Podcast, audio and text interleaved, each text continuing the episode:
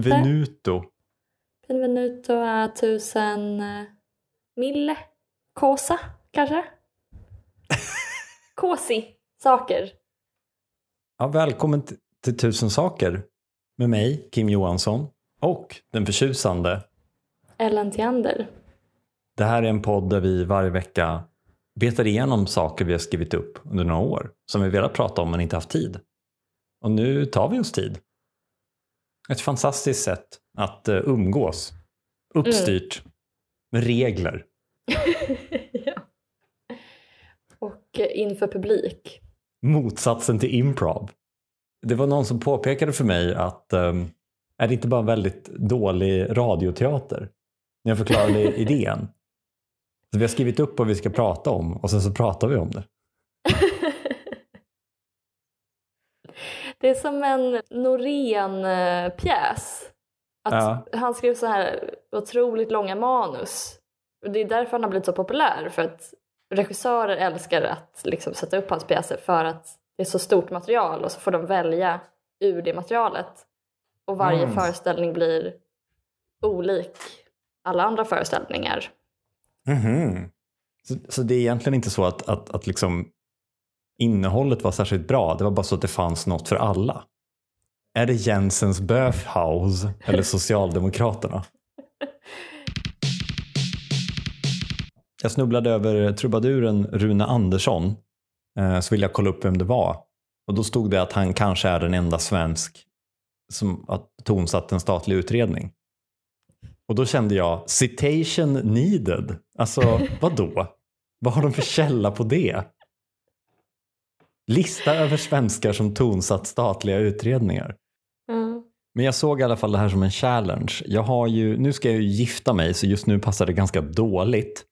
Men eh, någon vänlig lyssnare kan väl påminna mig om att jag nu, här och nu, lovar att tonsätta en statlig utredning så att vi åtminstone får två svenskar. Ja. Eh, Jag tänker då att jag ska kolla upp ungefär hur mycket Rune tonsatte, alltså i sidor. Och så tänker jag att jag gör en sida mer.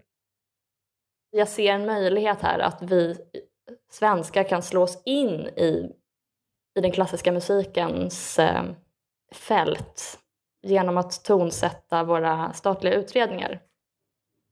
Vi har ju inte så mycket, just inom klassisk musik i alla fall, har vi inte så många kända kompositörer.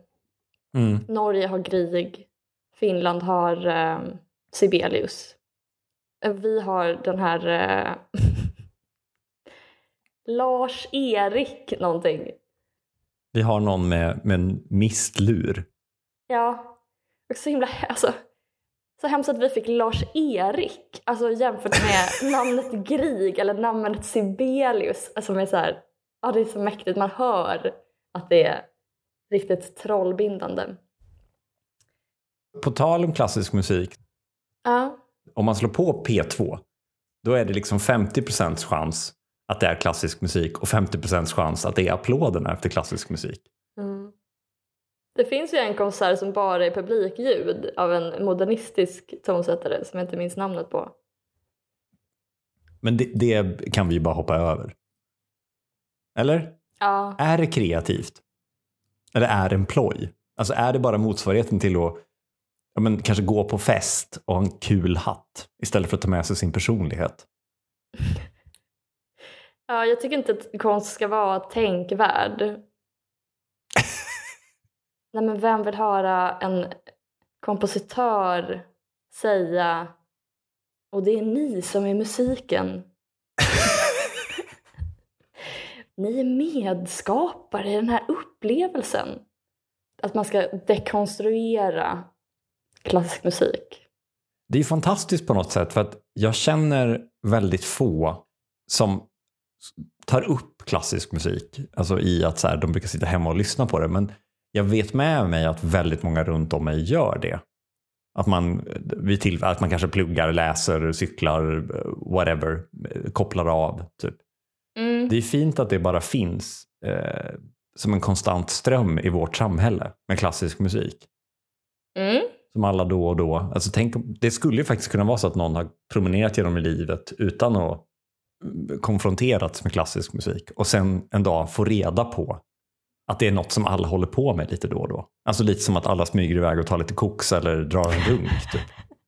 Alltså, vad chockad man skulle bli. För jag kan ändå känna att det är, alltså inte en sexuell upplevelse, men, men det är ju som en skön massage typ, att lyssna på klassisk musik.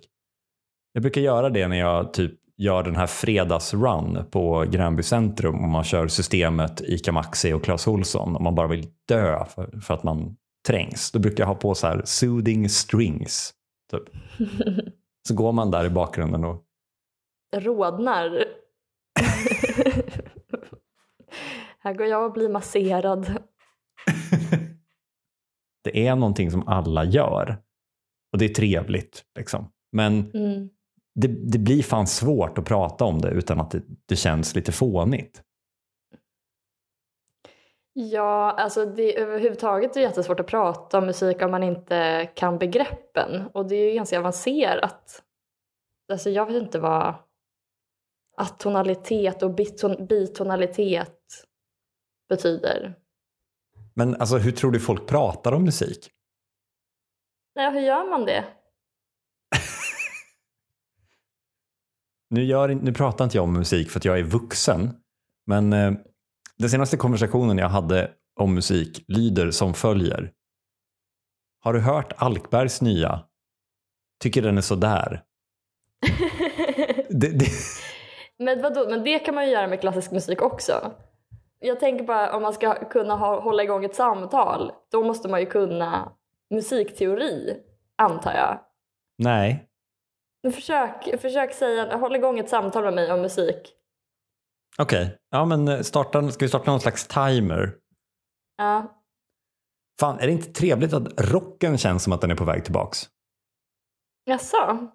Vadå då? Men jag tänkte att men det var ju Hellacopters, om du kommer ihåg det gamla rockbandet som var inne när vi Mm. var yngre. De var ju Mm. På spåret för typ ett år sedan.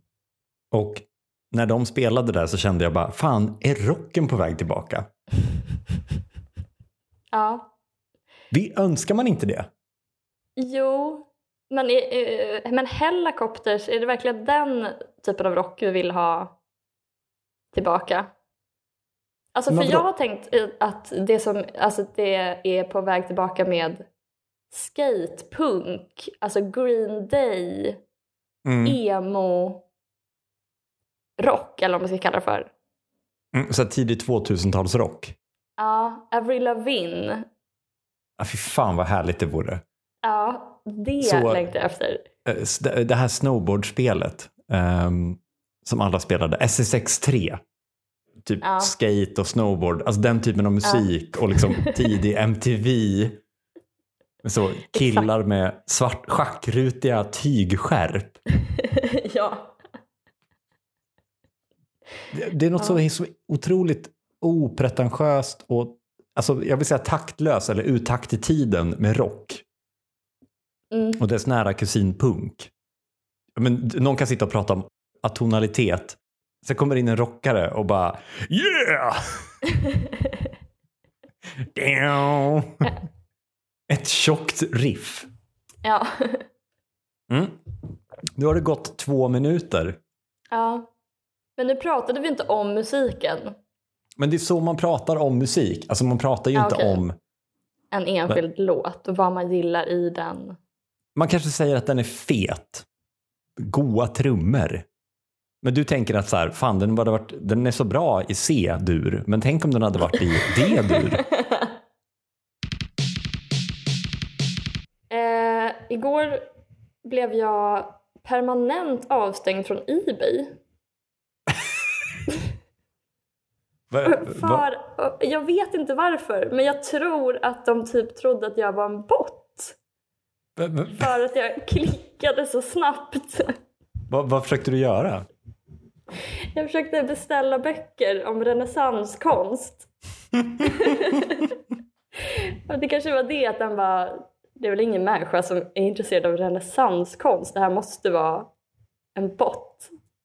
Men eller bara att jag är så omänskligt bra på att nätshoppa att jag klickar så hetsigt. Minns du Kim Kardashian när hon broke the internet? Mm. Jag tänker att jag broke the internet. Mm. Fast bokstavligen, jag bara gjorde sönder, jag gjorde sönder Ebay. Jag är renässanskonst-nätshoppingens Kim Kardashian. Punkt 95. Hur många grader lutar tornet i Pisa? Är inte det fett italienskt att de typ inte vet det? Tror vi att de har importerat tyskar som har mätt det? Ja du Kim. Den här har ju du Jag- skrivit.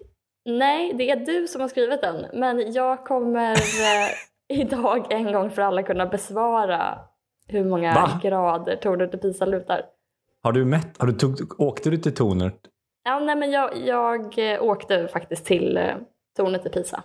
Men det är inte så jag vet, för jag är jättedålig på siffror. Det var inte så att jag hade med min gradskiva.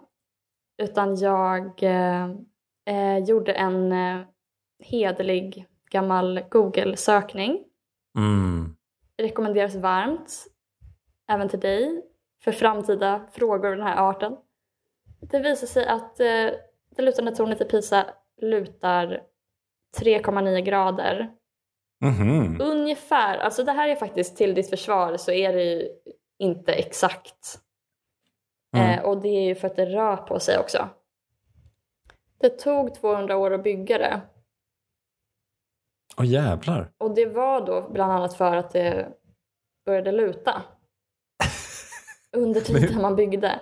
Hur långt hade man kommit när det började luta? Jo, då hade man kommit ganska långt. Och, då, och sen tog man då en paus på hundra år för att fundera på hur man skulle gå vidare. Ta sig en funderare. Ehm, så sög man på den karamellen i hundra år. Man började bygga på 1100-talet och sen färdigställdes det på 1300-talet. Och då hade man turen att under de här hundra åren när man hade pausat bygget så sjönk tornet och satte sig. Så att det blev mycket mer stabilt. Mhm. Och sen byggde man resten, toppen, där klockorna är, i en lite annan vinkel. Och att ena väggen byggde man högre så att det skulle luta lite åt andra hållet. Så att det har en bananform. Ser man det? Ja, men sen då, men 1990 så lutade tornet 5,5 grader. Eh, och egentligen så ska det då falla vid 5,44 grader. Mhm. Men humlan flyger ändå. Man har, en så, har man en sån doomsday klock? Att man liksom, Ja. det finns en mätare ja, som konstant visar att nu jävlar är tornet på 5,40.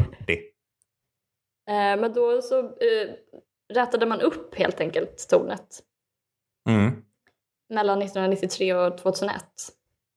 Men varför rätade man inte upp det helt? Jag tycker det är så provocerande. Alltså, varför måste vi hålla på med de här halvmesyrerna? Att det här tornet ska få hålla oss på halster. Kan det bestämma sig? Ska det falla eller ska det stå? Det lutande tornet i Pisa är en kanske-man som vi låtit couchsurfa i Australien och läsa lite A-kurser i 800 år. Det räcker nu. Det vill jag säga till lutande tornet i Pisa. Ja, det är någonting med vår syn, vår moderna syn på arkeologi eller historia som är väldigt konservativ. Att det, det, här, det här förbannade tornet måste luta, det har gjort det i 800 år. Att man liksom inte vill göra saker bättre, eller? Men, men har inte det att göra med att historien tog slut? där någonstans runt millennieskiftet. När vi, Mm. när vi trädde in, liksom, när nyliberalismen vann och vi nådde historiens slut. Mm. Nu ska världen bara förvaltas och tuffa på. Nu är Mm. det så här. Samma sak med film, alltså, eller tv-serier. att ABBA är tillbaka. Alltså, jag menar, vi, vi, det finns ingen ny musik. Det finns inga nya hus. Nej. Vi Nej, bara sitta i våra 900 910-tals eh, kåkar och lyssna på ABBA. Och tänka på hur tornet lutar. Ja, men och att vi vill riva ut, riv, riva oss tillbaka i eh, tapetlagren Mm. och återställa hus till hur de ursprungligen såg ut. Mm. Det, det är ju någonting sjukt med det. Men alltså, tornet från början Ja, är en klockstapel? Frågetecken.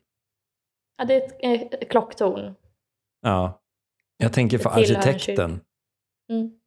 som bara nu ska jag bygga världens finaste klocktorn. Alla kommer att tänka på hur fin... Alltså, eller så här, personen som har gjort klockan Ja, hur kul är det för stått där. Och smidit den där klockan och bara det här är världens bästa klocka. Man har stått med kanske någon sån liten hammare och slagit på den Ja. och bara nu låter den som änglasång. Ja. Det här tornet kommer bli känt för den här otroliga klockan. Mm. Var det många som stod och låtsades hålla upp den när du var där?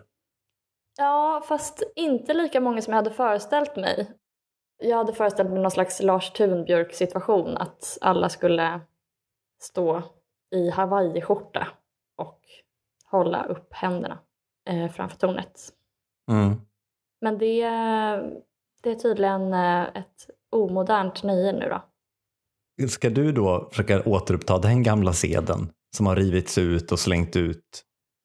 När man vill tillbaka Ja. till det gamla sättet att njuta av tornet, att bara titta på det. Så kommer du där och bara Can you, can you photo me?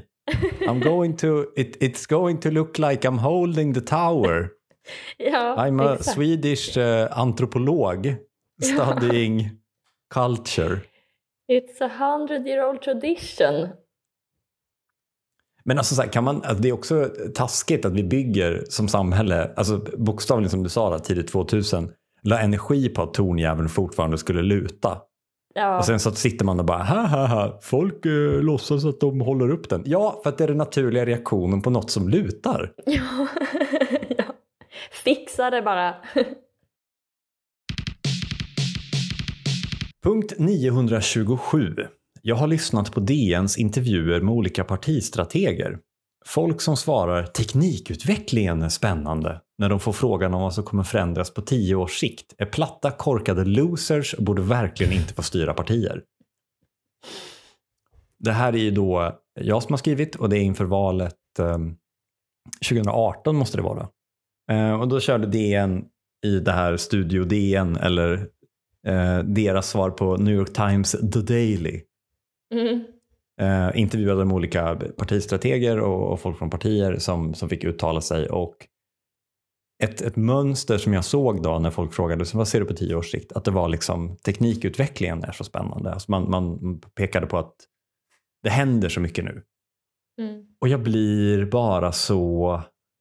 Alltså vi, vi har verkligen fått de politikerna vi förtjänar kan jag känna på något sätt. Men jag blir också väldigt, väldigt besviken. Alltså, om ditt jobb är att liksom ta stora pappersluntan Sverige, rulla ut på någon slags strategibord, ställa dig och klia dig i, i huvudet och fundera på vad vi ska göra framöver. Och så bara, undra om någon kan komma på något coolt. Någon som leder som får frågan, vad, vad, vad ser du på tio års sikt? Att någon annan ska göra något. Ja, apropå att det är end of history. Ja, ja men att det, vi verkligen. har bara en massa teknokrater som Ja, partiledare. Jag lyssnade på en presskonferens om eh, Afghanistan nyligen mm. och då var det försvarsminister Peter Hultqvist som eh, fick frågan vad han tyckte USA hade gjort fel i princip. Mm. Och då så svarade han det är någonting som vi absolut kommer behöva diskutera. Det är något jag tror kommer komma upp på nästa EU-toppmöte. Det är något jag tror kommer komma upp i nästa nordiska samverkansmöte. Så hans svar på vad hans kritik av USA är, Mm. är att han kommer att prata med andra försvarsministrar. Inte liksom partimedlemmarna i Socialdemokraterna. Mm. Alltså är inte det, blir inte du tokig av att höra att Sveriges position i Afghanistan-frågan ska styras av teknokrater, bestämmas av politiker? Alltså, det kan jag ändå köpa mer. Alltså om du tänker dig, tänker dig den där inte riktigt så coola killen typ, som får hänga med den coola killen. Så bara, vad, vad gillar du för musik? Eller vad vill du göra? Så bara, ah, jag, jag vet inte, vad vill du göra? Istället för att säga, kom vi går och spelar Dungeons and Dragons. Och skämmer ut sig. Ja, Det är väl lite skönt. det är väl det som är Peter Hultqvists största skräck, att framstå som töntig, att skämma ut sig inför EU-parlamentariker. Inte inför sitt parti, sina medlemmar. Men alltså Peter Hultqvist är ju omåttligt populär i alla kretsar och det är för att han har knäckt koden för att vara en bra försvarsminister. Alltså alla intervjuer med honom är ju typ um, Hej, den här grejen som förmodligen kan leda till vår utrotning. Alltså typ att Ryssland gör någon slags militärövning nu som typ heter väst. Döda väst. Eller något sånt. Jag vet inte. Ja. Ehm, så intervjuar de honom om det och då säger han eh, typ vi har koll på läget. Någonting om något vapensystem som heter typ Eagle kill. Och sen vi har koll på läget. Mm. Alltså alla vet att vi inte har koll på läget. Men han kan ändå säga liksom det är lugnt. Jag har det här. ja, okej. Vi har ja. murder flame. Och du vet att vi, vi har lite mer i garderoben. Vi har inte mer i garderoben. det är bara Murder Flame tyvärr. Det är han, han som har en tändare i väskan. som svensk är man ju uppväxt, i alla fall som svensk man, blir man ju drillad i att vara stolt över vårt industriarv. Att vi gör Mm. rediga grejer. Alltså så Volvo, Ericsson, Assa, Bofors, kullagret, skiftnyckeln etc. etc. Kan det vara för det svenska industriarvet som de här partistrategerna sitter där och liksom teknikutvecklingen är så spännande för att de tänker att om de bara säger det tillräckligt mycket så kommer någon, jag vet inte, hitta på något nytt Murder Flame eller motsvarigheten till kullagret för TikTok-generationen. Ja, men eller så är det precis på samma sätt som Peter Hultqvist när han blinkar in i kameran. Och bara, Mm. sen har vi lite andra hemlighetsstämplade planer. Att det är retorik. Mm. Alltså att vi har ett teknikunder på samma sätt som vi har ett försvar. Jo, men det, det, det, det kanske ligger något i det. Att man vill sprida en känsla av optimism. Ja, men än en gång, Peter Hultqvist var ju i radion nyligen då, i och med den här operation Töntiga töntiga väst som Ryssland höll i. Och svarade att han hade flyttat, alltså jag vet inte, så här, ja, vi har flyttat 18 kvantifioner um, krassystem till Gotland. Alltså jag som inte kan något om militär, när man säger det så vet inte jag om det betyder att man har flyttat 18 personer till Gotland. Mm. Eller om man har flyttat 18 förband, eller vad det nu kan vara. Mhm. Och då, hur många är det, alltså så här, hur många är det i ett tjog? Ja, just det. Kvantifioner just låter ju väldigt mycket. Nej, men så här, man känner sig trygg. Vi har stjärnstopp. Många soldater? Nej, men att Peter Ja. Hultqvist så har, har, han bara, ja, jag har flyttat. Det, det är lugnt, jag har låst dörren. Mm. Någonting har Peter Hultqvist flyttat till Gotland. Mm. Förmodligen är det 18 personer. Men det kan också vara alltså full-fledged 18 kanoner med bemanning och liksom lasrar. Det vet jag inte. Det är kanske därför de har hittat på alla de här militärtermerna. För att sådana bara, men vi har ju en skvaldron på Gotland. Det är, är väl tusen man, eller? ja, Jag vet inte. Det är förkortning för skitmånga. Är det för att de tänker att Ryssland lyssnar? Att de så sitter på ett café med en, en hörlur och Ja, håller i en tidning med urklippta ögon ja verkligen. och lyssnar? Jaha, han har flyttat en skvadron till Gotland. Skvadron, och vad betyder det? Ringer till Putin. Ja, det, det är stjärnstopp. Men på samma sätt tänker jag att det är spel för gallerierna att prata om liksom, det svenska techundret. Mm. Att det egentligen kanske är någon sån kille på norrsken som byter kontorsplatser med varandra för att skapa en bättre typ mötesdynamik. De kanske har det här som Google har, det är en ledig dag i veckan. Men att det bara är det, så är de bara lediga den dagen. Det är kanske också är en idé av den här, alltså i skådespeleriet Sverige. Samtidigt som Peter Hultqvist flyttar sin krump till, Mm. till Gotland så byter fem digitala nomader skrivbordsplatser på norrsken. Så att man tror att det är tio pers där. Mm. Det satt ju någon precis vid det där skrivbordet. över med sin pilatesboll till andra sidan rummet. Innovation. Och då ser det ut som att folk rör sig och jobbar.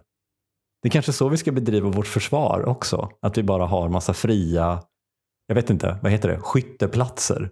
Vi bara lägger ut Ja, gevär och, och, och pilatesbollar överallt och så får skickar vi dit 18 man som bara får passa på att gå mellan de här. ja, Och så sitter ryssarna i sin ubåt och bara ja, oj oj oj. ja.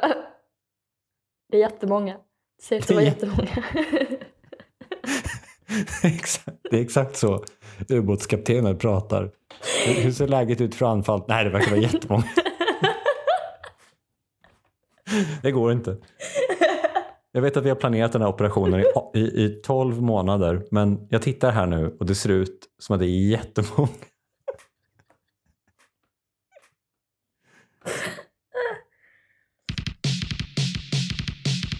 Tack för idag, förtjusande Italien-korrespondent Ellen Theander. Tack själv, ljuvlige Kim Johansson. Jag eh, tänker att vi, eh, du får köra den här avslutningen som vi brukar ha med all nödvändig information. Och sen så får du göra en, en egen SR-korre-ava. Mm. Det här har varit Tusen saker. Podden kommer ut på tisdagar klockan sex på morgonen. Lagom till morgonlöprundan. Producent är Sally Eriksson. Ansvarig utgivare är Ellen Theander. Ellen Theander, Bologna. Kim Johansson, Uppsala. Lotten Collin, Bogotá. Ja, hon säger alltid så ja. Bogotá. Bogotá.